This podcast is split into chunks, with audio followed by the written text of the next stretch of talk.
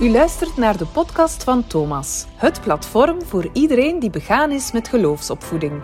We nemen u hier 50 minuten mee in de wereld van religie en onderwijs. Hallo! Dag beste luisteraar, bedankt om opnieuw voor ons te kiezen en naar ons te luisteren.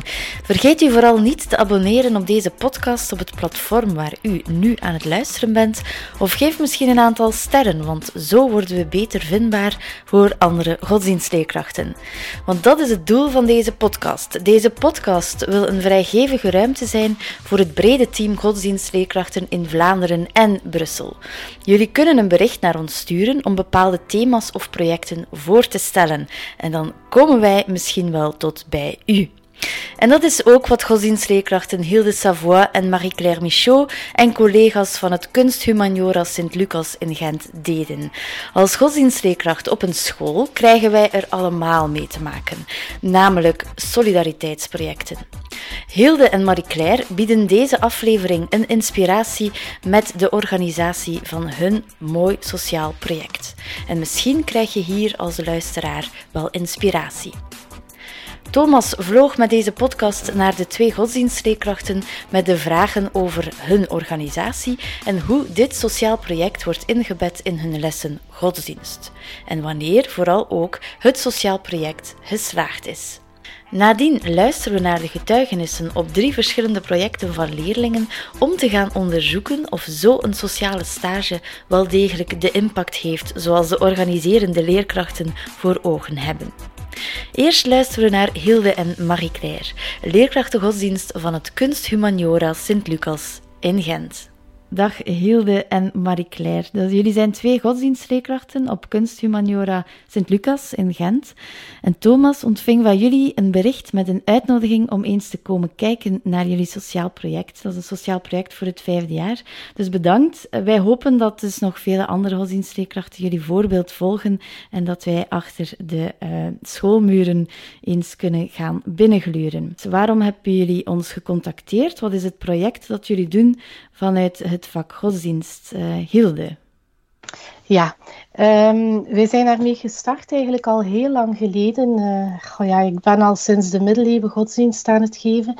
En ongeveer 35 jaar geleden las ik in uh, een leerplan vrijwillig, maar niet vrijblijvend. En ik vond dat een hele bijzondere zin. En ik heb dat eigenlijk altijd willen meegeven aan de studenten, dat ze ook wel eens iets moesten doen zonder ervoor betaald te worden. Maar als ze daar dan beslissingen neemden, dat ze dan ook een engagement aangingen. Ja. En in het begin bestond dat eigenlijk uit uh, mijn vraag dat ze één keer per jaar op woensdag of in het weekend of in een vakantie een engagement op zich zouden nemen dat eigenlijk volledig vrijwillig was. En dat ze dan daar ook allee, een einde aan vastbreiden. Dat ze dat dus niet begonnen zonder dat ze dat konden waarmaken.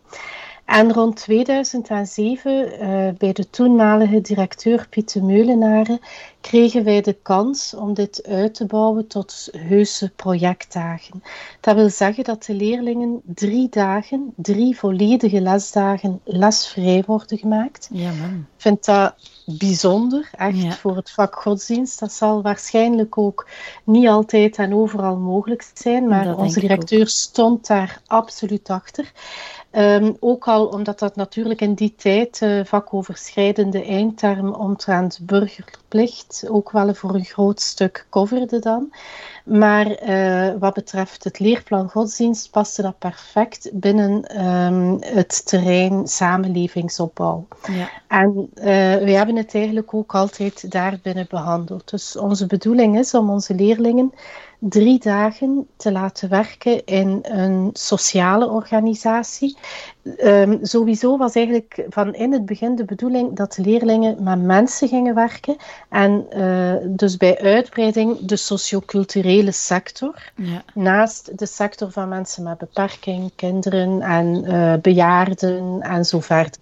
Maar um, we hebben dat eigenlijk een jaar of drie geleden uitgebreid naar natuur en cultuur ook. Um, Uh, en wij werden daardoor geïnspireerd door Laudato Si. Ja. Uh, wij dachten eigenlijk, leerlingen, sommige leerlingen die gaan eigenlijk niet zo graag praten met mensen of uh, die zijn eerder timide. Mhm. En die kunnen dan wel beter terecht in de natuur of in een organisatie waar, we werken, waar gewerkt wordt met dieren en uh, zorgboerderijen en dergelijke. En dus wij hebben dat dan ook daar naar uitgebreid. Nu, ook al omdat onze leerlingenaantal steeds bleef stijgen.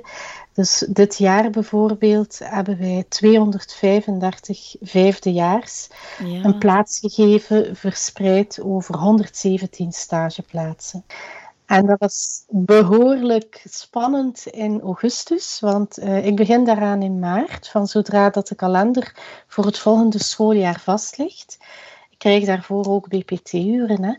Um, anders is dat effectief niet mogelijk, want uh, dit jaar bijvoorbeeld zijn daar 183 manuren in de voorbereiding geslopen. Dus uh, dat echt wel een pak uren. Dus wat doe ik dan? Ik leg contacten met uh, mogelijke potentiële stageplaatsen. Dit jaar heb ik een driehonderdtal organisaties, instellingen aangeschreven. Er zijn er 117 die bereid waren om ondanks corona in ons project te stappen en die één of meerdere plaatsen hebben aangeboden. En dan hebben wij dus 235 leerlingen daarvan kunnen uh, plaatsen. Natuurlijk, door corona zijn er jammer genoeg een aantal leerlingen die ziek waren of in quarantaine zaten. Zijn natuurlijk ook altijd zaken die we meemaken.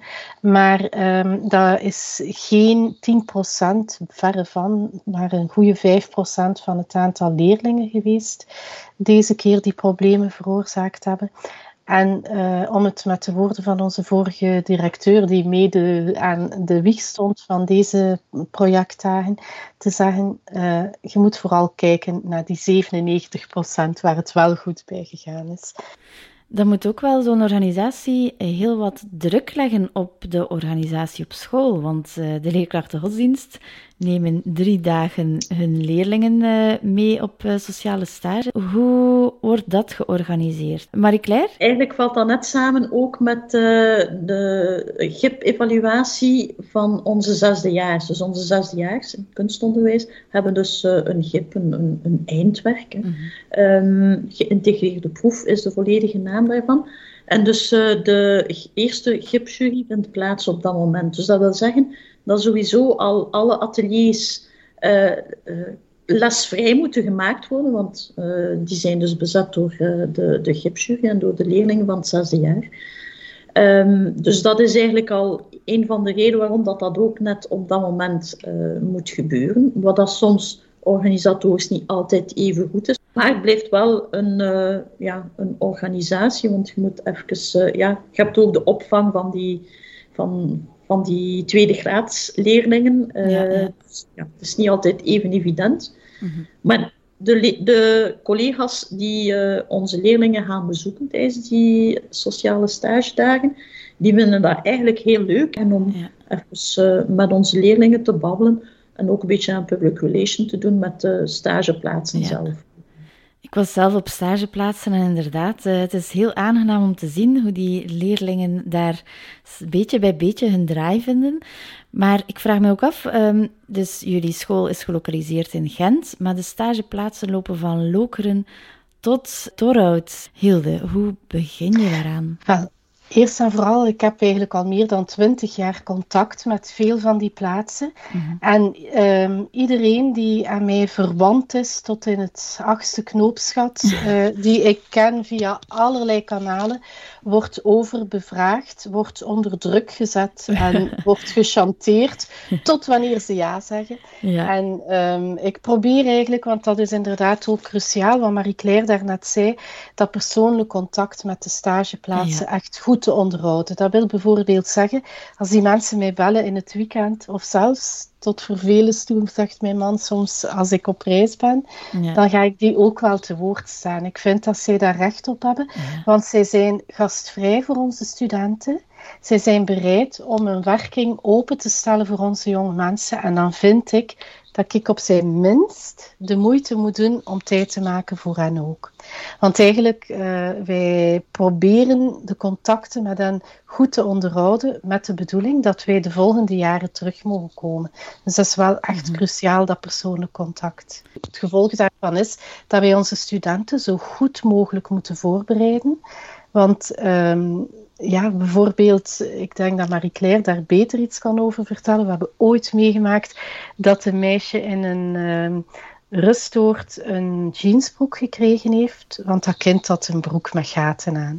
En dat vond die mevrouw, hè, dat was bij een van jouw leerlingen, dacht ik, hè, die uh, heeft de week nadien dan een, een nieuwe jeansbroek mogen gaan halen die die mevrouw gekocht had voor dat meisje. Of tenminste haar dochter had laten kopen voor dat meisje. Dus dat is dan wel eens belangrijk. Daar, daar, hadden wij nooit bij stilgestaan. Dat wij op voorhand een keer aan die kinderen zeggen van pas ook een beetje je kleding aan. Ja, ja, En houd er rekening mee dat, dat oude mensen dat niet goed begrijpen als je scheuren hebt in je kleren. Want ja, natuurlijk, we zijn aan blijven... Uh, we zijn aan levende kunstonderwijs, waar dat leerlingen zichzelf op alle mogelijke manieren uh, uiten. En wij omarmen dat ook, maar ze moeten zich natuurlijk op dat moment soms een beetje aanpassen. Jullie zeggen van oké, jullie moeten jullie voorbereiden, maar hoe kan ik dat concreet zien? Zijn er, is er een bepaalde vragenlijst of uh, is dat gewoon jullie die vertrekken vanuit getuigenissen? Nu, de leerlingen zelf zijn er eigenlijk ook wel vanaf, uh, vanaf de eerste week van het schooljaar worden zij onmiddellijk al overdonderd tijdens de eerste les Gelukkig hebben wij uh, lespakketten van twee uur, die we wel ah, nodig hebben om dat helemaal uit te leggen en al, alle verschillende stapjes daarin. Want het is dus meer dan alleen maar uh, die drie dagen uh, stage lopen.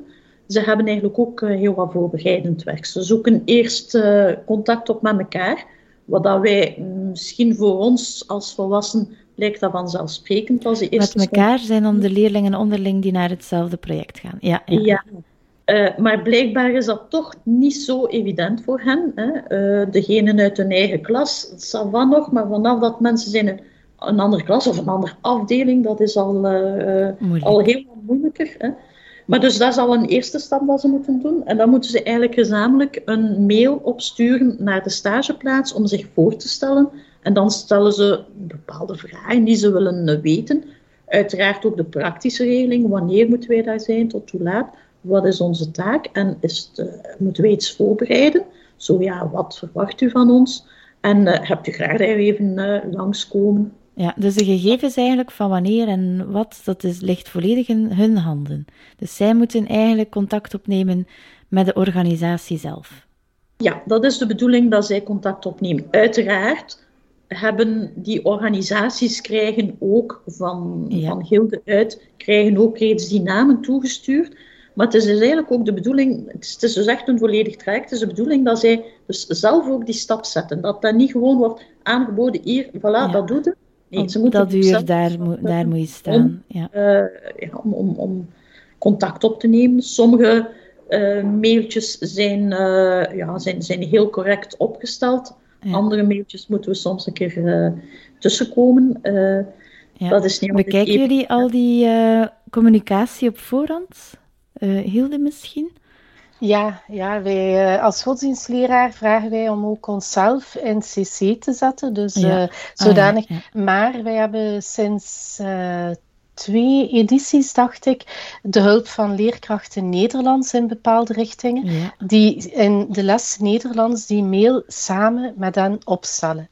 En dat is, moet ik zeggen, een enorme hulp voor ons. want um, als je dat moet voor 235 leerlingen managen, dan is dat wel heel tof dat daar uh, een honderdtal, dankzij de leerkrachten, de inzet van de leerkrachten Nederlands, sowieso een goede mail hebben. Dat is uh, een ja. hele geruststelling. Ja. En dat zal wel een uh, hele, hele grote stap zijn voor de leerlingen om zelf naar die organisatie toe te stappen. Maar soms ook eigenlijk niet, want wij, vandaar, u zei van Torhout tot in Brussel, hè, maar we hebben ook helemaal aan het zeetje tegen Frankrijk aan. Ja. En we hebben er ook nog gehad in Limburg. Maar dat heeft te maken natuurlijk met de specificiteit van onze school. Onze leerlingen komen ook van overal. Ja. En wij proberen dus dat zij een organisatie hebben die een stuk ook in een buurt is. Mhm. Uiteraard, als het aansluit bij hun interesses. Want als zij bijvoorbeeld niet graag naar een woonzorgcentrum gaan en we hebben alleen maar dat in die specifieke plaats, dan kunnen zij altijd vanuit uh, ergens in de buurt van de school gaan. Ja. Uh, maar wel in een sector die ze verkiezen. Maar wij vinden dat zeer belangrijk dat ze dat dicht bij huis kunnen doen, om ecologische redenen, maar ook omdat dat de drempel naar echt vrijwilligerswerk na de opdracht toch wel verkleint. Dus wij hebben dan leerlingen die bij een wereldwinkel werken, in Evergem bijvoorbeeld, en die in Slijdingen wonen, en die dan zeggen, oké, ik ga mij hier engageren om drie uur per maand telkens hier te komen werken. Dus dat gebeurt ook wel. Heb je ooit al meegemaakt dat er problemen waren op een stageplaats, dat het totaal niet klikte, en hoe ga je daarmee om? Ja, het is heel vaak heel belangrijk dat je de beide partijen goed beluistert. Dus dat is ook wat ik uh, tijdens de stagedagen en soms ook wel voorafgaand daaraan doe. Dus bijvoorbeeld uh, als er een leerling met groen haar aankomt in een school voor uh, kinderen met buiten, van buitengewoon onderwijs en ze hebben daar een leerkracht die ze gaan ondersteunen, die toch wel heel erg veel moeite heeft met het uiterlijk. Um, dan kan dat bijvoorbeeld al een probleem opleveren op voorhand. En die leerling antwoordt dan ook nog niet altijd zoals het hoort. En uh, wat wij dan doen, is eigenlijk beide kanten beluisteren en proberen om die met el- allee, een beetje meer begrip voor elkaar bij te brengen. Ja. En is dat dan ter plaatse dat jullie direct gaan? Uh, in normale omstandigheden wel. Dit jaar is dat veel meer aan de telefoon gebeurd dan mhm. anders. Maar meestal uh, zorg ik dat ik uh, een autotermijner beschikking heb, Marie-Claire ook. En we, we gaan eigenlijk overal een beetje naartoe. En dat is inderdaad ook de taak van onze leerkrachten die de stageplaatsen bezoeken. Dat ja. zij dus um, die eventuele problemen aan horen. Ik kan een specifiek voorbeeld geven misschien. Um, we hebben ooit een meisje gehad die heel erg in de war was doordat ze met dementerende bejaarden moest werken. En die, dat kwam daar dan eigenlijk uit dat zij nog nooit in haar leven een dementerende had gezien of had meegemaakt. En dat zij zeer erg geschrokken was in het feit dat, dat, uh, dat die mevrouw eten moest krijgen en dat die kwijlden. En zij zag dan eigenlijk haar eigen grootouders daar zitten. Mhm. En dat was voor haar echt wel een schrikbeeld. Ja. En um, goh, ja, ik ben dan, dat was hier ook niet zo ver vandaan. Ik ben daar dan die middag naartoe gereden. Ik heb daar dus eerst naar geluisterd. Ik ben ook met haar meegegaan naar die afdeling. En dan heb ik eigenlijk gewoon ook uh, gevraagd naar uh, wat eigenlijk haar mensbeeld is. En um, ik denk dat dat ook belangrijk is, dat ze de doelgroep, want uiteindelijk daar draait het wel om, hè, om die mensen, die doelgroep, um, welk beeld dat ze daar zelf van had. En wat dan eigenlijk de realiteit is en hoe dat die twee niet helemaal met elkaar overeenstemmen. Maar ook heel erg belangrijk is dat zij weten dat ze er niet alleen voor staan. Dus zij kan op dat moment uh, heel erg geschrokken zijn van het feit dat ze weerzin voelde ten opzichte van die persoon. Mm -hmm. Maar ze kan dan ook opmerken dat de verzorgende, dat de verpleegkundige, die mens echt wel heel graag ziet. Ja, ja. En daar, dat is eigenlijk ook een heel belangrijk leerproces. Ja. Op zich is dat niet zo'n probleem als leerlingen schrikken van wat er gebeurt of um, de zaken zien waardoor dat ze een beetje in de war zijn, mm. want dat opent eigenlijk de mogelijkheid naar een gesprek. Wat moet ik mij voorstellen als de leerlingen terug naar school komen na hun sociale stage? Hoe begint de les godsdienst? Uh, heel veel verhalen. Hè? Ja. Uh, het is, de eerste les is moeilijk om ze stil te krijgen, ja. want uh, ja, het is uh, het ene verhaal na het andere.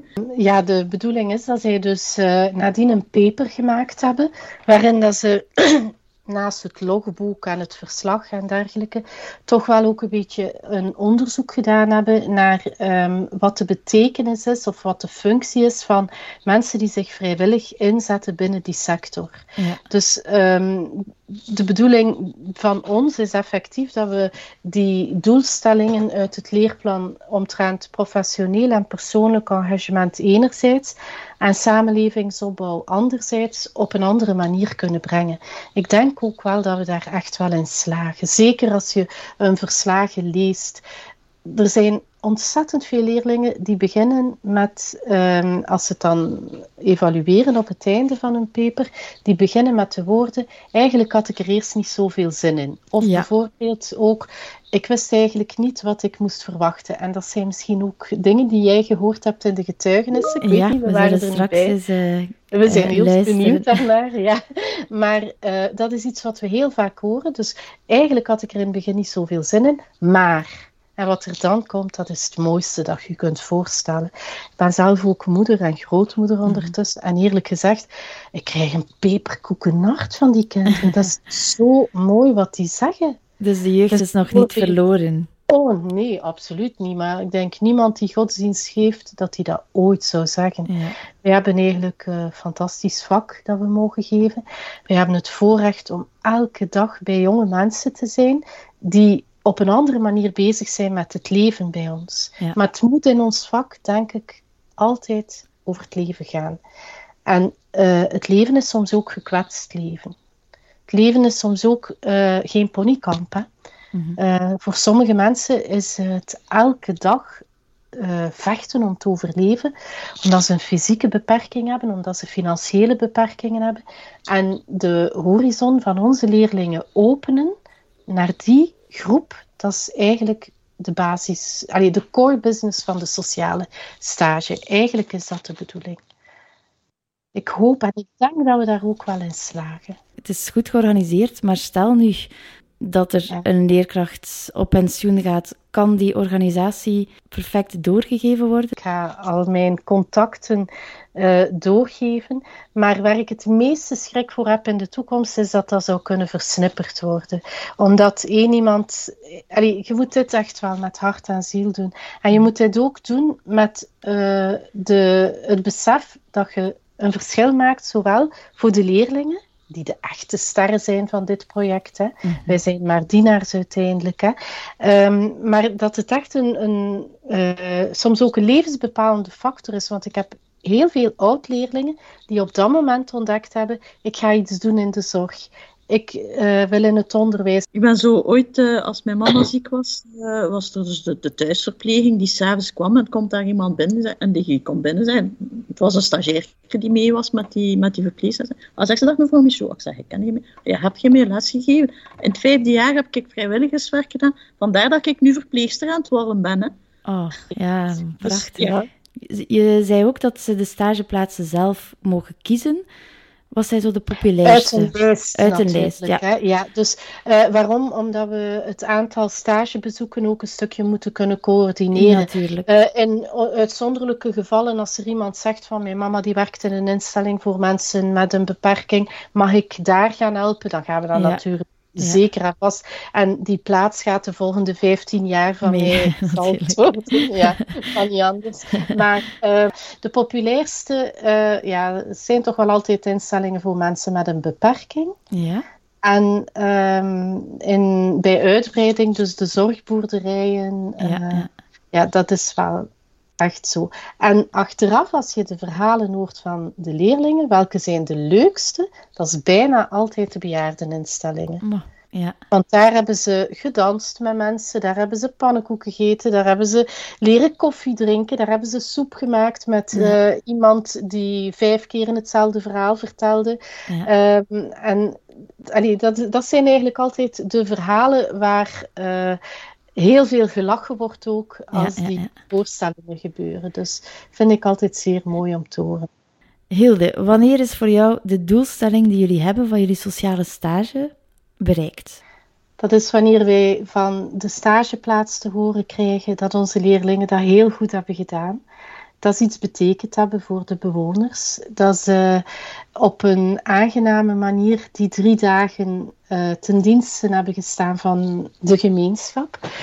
Um, en ook als de kinderen eigenlijk terug, allee, de studenten terugkomen en dat ze bijvoorbeeld zeggen van ik had nooit gedacht dat dat zo leuk was om te werken bij bejaarden. Ja. Of ik had uh, nooit in mijzelf gezien dat ik kon omgaan met iemand die amper kan praten.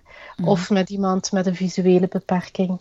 Dat vind ik eigenlijk een zeer, zeer mooi doel als dat kan bereikt worden. En ik moet eerlijk zeggen, dat is toch altijd bij zeker 85% het geval. Ja, en dat is al uh, heel ja. wat, hè? dat is al ja. een grote onderscheiding. Ja, ja. We zijn echt heel trots op onze leerlingen, want uh, het is onvoorstelbaar wat zij op drie dagen van bijdrage kunnen leveren in, uh, op verschillende plaatsen en uh, vanuit verschillende achtergronden ook. Hè. Dat zijn eigenlijk ervaringen die wij ze kunnen meegeven die echt een leven lang kunnen blijven nazinderen. Ik heb oud-leerlingen die 25 jaar geleden met een tandem gingen fietsen met een blinde en die dat nog steeds doen. Ja. Ik heb wat leerlingen die gingen kaarten in een woonzorgcentrum de vrijdag na school. En die dat jarenlang zijn blijven doen. Vooral omdat het daar maar 1 euro was voor een pintje natuurlijk. ja, maar, maar dat zijn eigenlijk zaken die we hun kunnen meegeven, die we eigenlijk niet kunnen in een gewone lessituatie. Ja.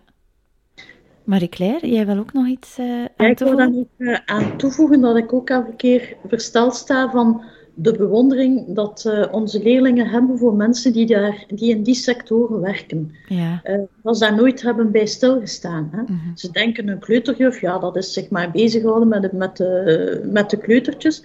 Maar na een dag zijn zij pompaf, omdat ze daar uh, alleen maar een beetje meegeholpen hebben. En ze beseffen dan dat zij maar een klein deeltje gedaan hebben en dat die juffen dat elke dag doen. Ja. Hetzelfde ook bij, bij, um, ja, bij gelijk, in gelijk welke sectoren dat ze denken van, ja, eigenlijk is dat ook werken. En ja. dat is, ja, dat dat ook heel belangrijk is. In ieder geval heel erg bedankt, uh, Hilde en Marie-Claire, om mij hier uh, zo mooi te woord te staan en jullie project uh, goed te duiden. Graag gedaan. Bent ook bedankt. Maar laten we nu eens de leerlingen aan het woord laten.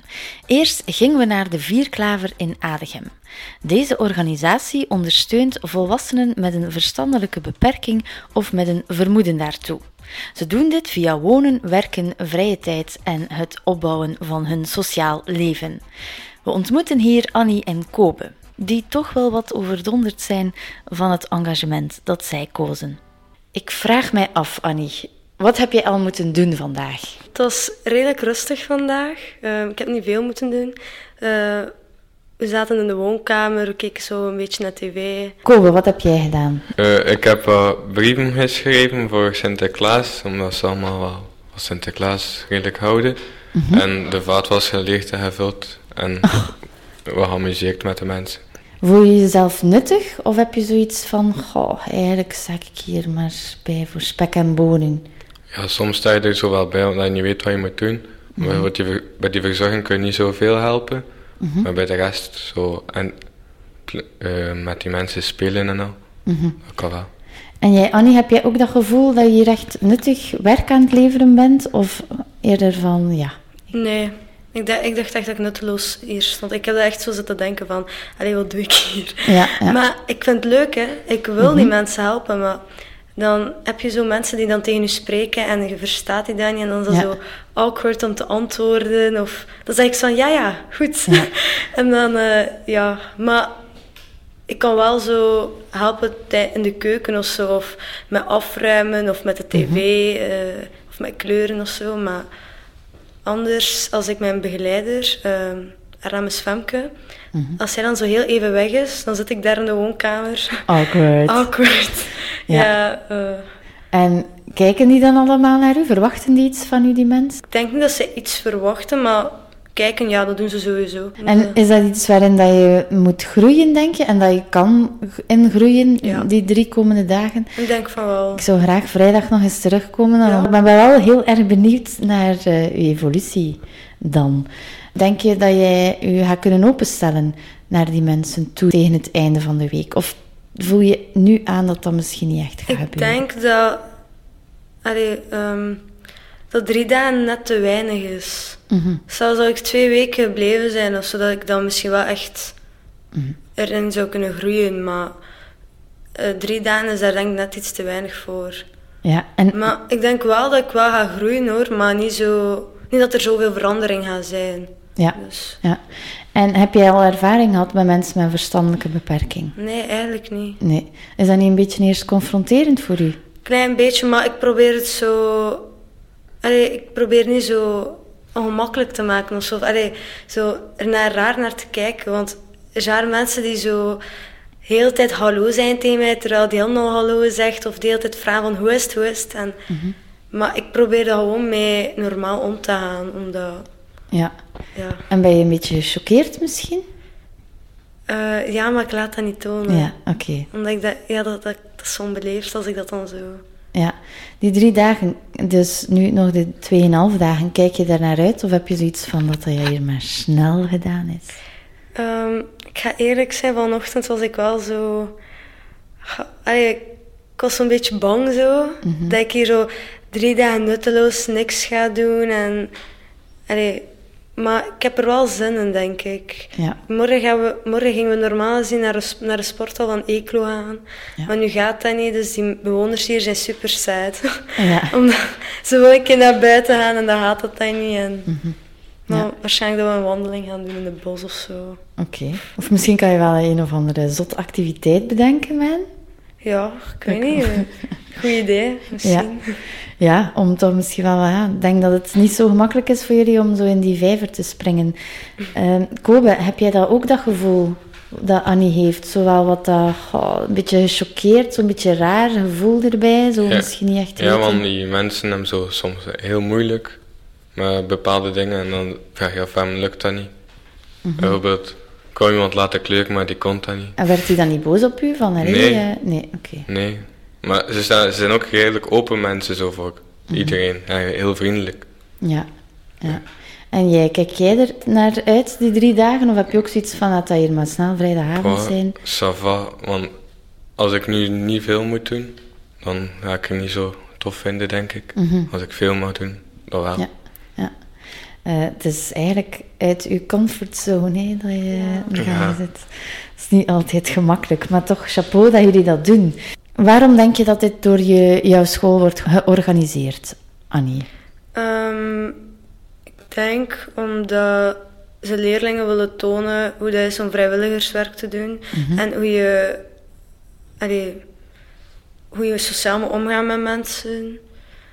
Maakt niet uit van waar, of het met ehm, bejaarden is, of met mensen met een beperking, of met kinderen. Hoe je eigenlijk sociaal moet zijn in het leven of zo. En ik, ik vind dat nice dat ze ons die opdracht hebben gegeven. Want nu weten we hoe het is om met mensen met een beperking, eh, allee, die dat hebben, om, hoe je daarmee moet omgaan en zo. En de mensen hier die hier werken zijn super aardig en ze helpen u. En als je een vraag hebt, helpen ze u. En Ja, dat is eh, tonen respect hè, dat die mensen ja, eh, dus verdienen. Dat is, persoonlijk vind ik dat niet erg dat we dat nu krijgen. Het is gewoon wennen en uit onze comfortzone. En dan trokken we naar de Westerbegraafplaats in Gent. In tegenstelling tot het vorige project is dit eerder een natuurproject. We gaan eens luisteren of de leerlingen Louise, Marie en Rosa dit wel zinvol vinden en wat er eigenlijk sociaal is aan het werken op een begraafplaats.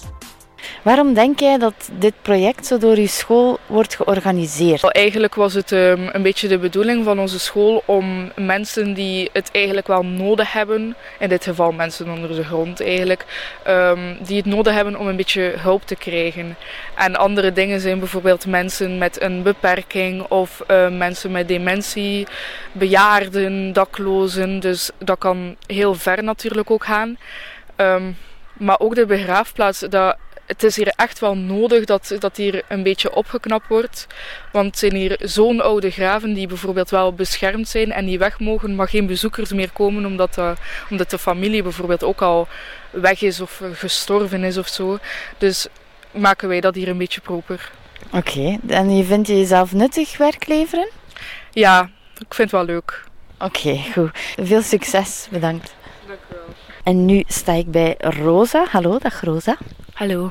En wat ga jij vandaag moeten doen? Ehm, vandaag, we hebben net uitleg gekregen en vandaag gaan we ongeveer een beetje hetzelfde moeten doen als gisteren in het eerste deel van de dag. Dus ehm, ze hebben zo aarde klaargelegd, waar dat er dan in de um, lente nieuwe planten worden geplant. En daar moeten wij een laag compost over verspreiden die ongeveer even dik is en ja, gewoon mooi afgewerkt. Um, en dan hebben we middagpauze en na de middag gaan we graven ontginnen. Dat is gewoon zo van de ruggen van de graven, zo klimop en overbodige dingen die weg moeten helpen verwijderen van de graven. Oké, zie je nu het verband met sociale stage en begraafplaats? Um, ja, toch wel veel meer dan um, in het begin, voordat ik er naartoe kwam. En ik ben ook echt blij met mijn keuze. Ik vind het echt een leuke stage.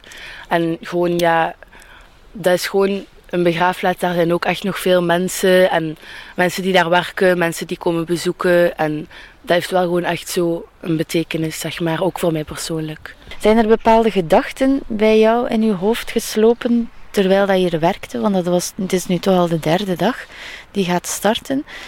Soms dacht ik wel van, wow, dat is echt zot om te denken hoeveel dode mensen dat er hier onder de grond liggen. Um, en voor de rest ook gewoon, mijn vader is overleden twee jaar geleden. En ja, ik ben ook naar die begrafenis geweest en zo. En dat ligt gewoon nog gevoelig. En ik denk wel elke dag aan hem, maar door hier zo te zijn op dit kerkhof, dan denk ik daar wel zo extra veel aan gelijk. Um, en ja, gewoon verschillende gedachten, maar dat zijn zo wat de grootste dingen, zeg maar. -hmm. Ga je je vader nu meer gaan bezoeken nu dat je hier gewerkt hebt? Of zie je zijn graf anders? Um, ja, toch wel een beetje. Maar hij ligt um, in kerkhof echt twee straten van mijn huis. Dus ik ga wel regelmatig. Allee, soms één keer in de week, soms één keer in de twee weken. Maar ik denk door hier nu zo te zijn dat ik misschien wel vaker ga gaan. Want ik vind ook, door hier zo stage te doen, merk ik echt van dat is hier echt een super rustige, idyllische plaats. Ook al heeft dat zo'n donkere achterbetekenis. Als je gewoon hier zijt en gewoon de frisse lucht en de bomen en zo. Ik vind het echt super mooi en rustig. Dus eigenlijk is dat ook gewoon een leuke plek om naartoe te gaan. Ook al is dat niet altijd mijn leuke onderbetekenis, zeg maar. Oké, okay, bedankt Rosa voor je eerlijk antwoord. En ik hoop dat je nog een heel erg rustige, maar toch gedeugdende dag mag hebben hier op de Westerbegraafplaats. Dankjewel, jij ook. Als laatste trok ik naar de beelderij in Torhout. Ik kwam hier terecht in een warme sfeer bij Nancy en Ellen en de kunstenaars. Hier is ook Joachim gestationeerd. Maar ik vroeg eerst aan Nancy en Ellen of dat zijn sociale stage in het vijfde jaar als zinvol aanvoelen en of dat dit wel altijd vlekkeloos verloopt. Joachim vertelt achteraf zijn ervaringen met zijn sociale project en natuurlijk een belangrijke kennismaking, namelijk de kennismaking met Rudy. Rudy was ook heel erg gemotiveerd om deel uit te maken van onze podcast en zijn mening te geven over de leerling Joachim. Waar is de leerling Joachim terechtgekomen op zijn sociale stage? Nancy? Uh, je bent in Tordalen, maar je bent eigenlijk nu in de ruimte van de beelderij. -hmm. En de beelderij is het artistiek, het sociale artistiek atelier van Tordalen. En Joachim is hier terechtgekomen om zijn stage te doen bij artiesten met een mentale beperking. Ja, zo vrijwilligers, zo 17, 16, 17-jarigen, lijkt jullie dat zinvol om dat te doen? Zo uh, jongeren vrijwillig verplicht eigenlijk, want dat is het wel zo'n beetje. Hè? Ik vind het nuttig in die zin dat het vernieuwend is, dat het jonge mensen zijn, maar um, ik vind vooral ook belangrijk voor de jongeren en voor de maatschappij dat ze op die manier in contact komen met de wereld dat ze anders misschien niet zouden zien. Ik vind dat, denk dat dat heel verrijkend is. En voor ons ook. Uh, en heel tof dat zij van Sint-Lucas zijn, dat dat ja. kunstleerlingen uh, zijn. Ja. Uh, dat kan voor ons ook heel veel bijbrengen. En voor de mensen, de kunstenaars die hier werken, ja, vernieuwend, zoals ik al zei. Misschien wil Nancy nog iets zeggen. wij voelen dat ja, dat nieuw bloed, dat dat hier ook altijd wel iets zet, dat dat uh, leuk is voor hen. Ja. Het is een keer een andere dag en andere mensen. Uh, je ziet bijvoorbeeld dat ze heel anders zijn. Uh, ja. Er is hier iemand die de laatste tijd wel ja, een beetje zichzelf verkeerd is en veel slaapt. En uh, de jongens kwamen toe woensdag en was plots heel welgezind en deed alsof ja, dat hij een nieuwe vriend had. hij leefde op, ja. Ja, geeft ook wel nieuwe inspiratie natuurlijk. Hè? En ik moet zeggen, ze hebben eigenlijk ook wel heel veel meegeholpen met van alles, want het was niet zomaar meer leven en hier zitten. Ze wilden echt wel zelf ook iets doen, ze wilden, ze wilden aan de slag. Ja, heb je ooit al vrijwilligers gehad die het totaal niet goed deden? En wat doe je daar dan mee? Dat is altijd moeilijk natuurlijk, want bij vrijwilliger moet je ook een beetje zoeken van wat, ja, wat doen ze graag, uh, waar zijn ze goed in. Mm Iedere vrijwilliger, iedere mens is anders. Het is hier natuurlijk ook een artistiek atelier. Ja. Ik kan ook niet verwachten van de vrijwilliger dat zij ook die artistieke vaardigheden hebben. Maar we hebben verschillende soorten vrijwilligers en iedereen doet dat een beetje op een andere manier. Dat gebeurt eigenlijk niet veel dat de vrijwilliger niet goed is, vind ik. Ik denk hoe dat verschil is met onze andere vrijwilligers. De studenten die nu komen, is, dat is ergens wel verplicht. Maar ik heb nog niet meegemaakt dat dat tegenviel eigenlijk. Want eigenlijk is het ruim. We zeggen ook van ze, ze leven mee. Ik, ik vind gewoon het contact en het beleven het belangrijkste in dit geval. Ik ga nog eens uh, Joachim interviewen. Ja, en, uh, we zijn benieuwd. Ja. Joachim alleen laten. Hè, ja. In ieder geval heel erg bedankt om uh, die vrijwilliger zo mooi op te vangen ook. Merci. En het werk dat je hier doet. Graag gedaan. Merci. En ondertussen is Joachim erbij komen zitten. Hallo. Hallo. Ik vraag me af, Joachim, wat heb jij al moeten doen deze drie dagen? Uh, een beetje praten, vooral met de mensen ook. Zo van hoe en wat, een beetje inspiratie geven.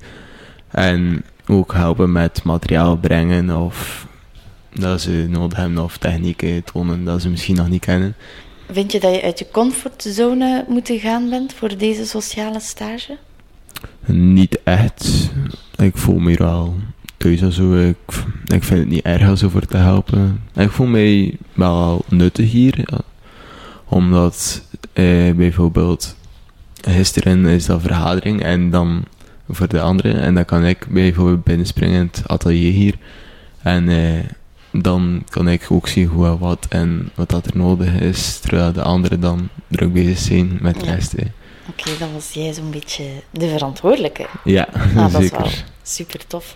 Is er een persoon dat je het meest bijblijft van deze sociale stage?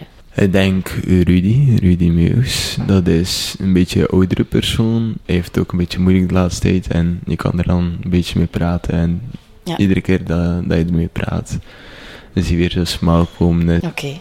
Goed. Kijk, maar ik ga je laten verder werken. Ja. Ik uh, denk dat ze al terug op jou aan het wachten zijn. Bedankt, Joachim. Rudy. Oh, ja? Ik heb al iets over je gehoord via Joachim. Echt waar? Ja, ja, ja. Jo, Joachim is, is een leuke. Ja. Ja. Is leuk. En is het een beetje lief? Ja. Ja, en dat ging van de eerste keer goed uit tussen jullie. Ja, he. ja leuk hè. Dan ga je een, een nieuwe vriend erbij. Ja, dank u wel. Op de drie plaatsen kwam ik gemotiveerde en enthousiaste leerlingen tegen. Ik vermoed dat die doelstellingen die de godsdienstleerkrachten voor ogen hadden, bereikt is. Ik kreeg achteraf zelfs nog een bericht van Annie die ik bezocht op de eerste dag in de Vierklaver in Adegem om me een update te geven van haar volledige sociale stage. Ik heb Annie aan de lijn. Jawel, we kennen haar nog van uh, een aantal minuten geleden in deze podcast. Ik was haar gaan interviewen in de Vierklaver in Adegem. En ze was toch wel een klein beetje, ja, um, onder de indruk van hetgeen wat van haar gevraagd werd. Je hebt dan mij een bericht gestuurd, waarvoor dank, dat je toch nog even um, wou zeggen hoe die ervaring voor jou in de Vierklaver geweest is. Hoe is het geëvolueerd? Um, ik ben nu wel heel erg benieuwd. Het was, het was eigenlijk, uh, ik had het zelf niet verwacht, maar het was goed geëindigd. Ik vond het een beetje vreemd, want ik voelde mij zo nutteloos. Ja. En vanaf donderdag voelde ik me echt meer op mijn gemak. We hadden ook uh, veel dingen samen gedaan, zoals ja, zo van die kleine dingen zoals wandelen of uh, zo gezelschapsspelletjes spelen of in de keuken uh, de vaat doen of zo. Ja, het was, het was eigenlijk echt nice. Ik had niet verwacht. De, ja, de huiselijke kon... sfeer dat zij willen creëren, heb je echt kunnen voelen dan? Ja, eigenlijk echt wel. Ja. Ik voelde mij daar echt, ik voelde mij daar ook een beetje thuis. Die mensen waren zo je voelde je daar zo welkom. En Dus heb Ja. je ook wel nuttig gevoeld? ja, eigenlijk wel zo. Dus die nutteloosheid donderdag- dat je in het begin had, die is dan verdwenen. Ja, maar dat is ook omdat je- als begeleidster, als je daar werkt, je moet gewoon weten wat je moet doen. En zij hadden mij niet echt uitleg gegeven wat ik precies moest doen, wat ik wel normaal vind. Hey, Ja.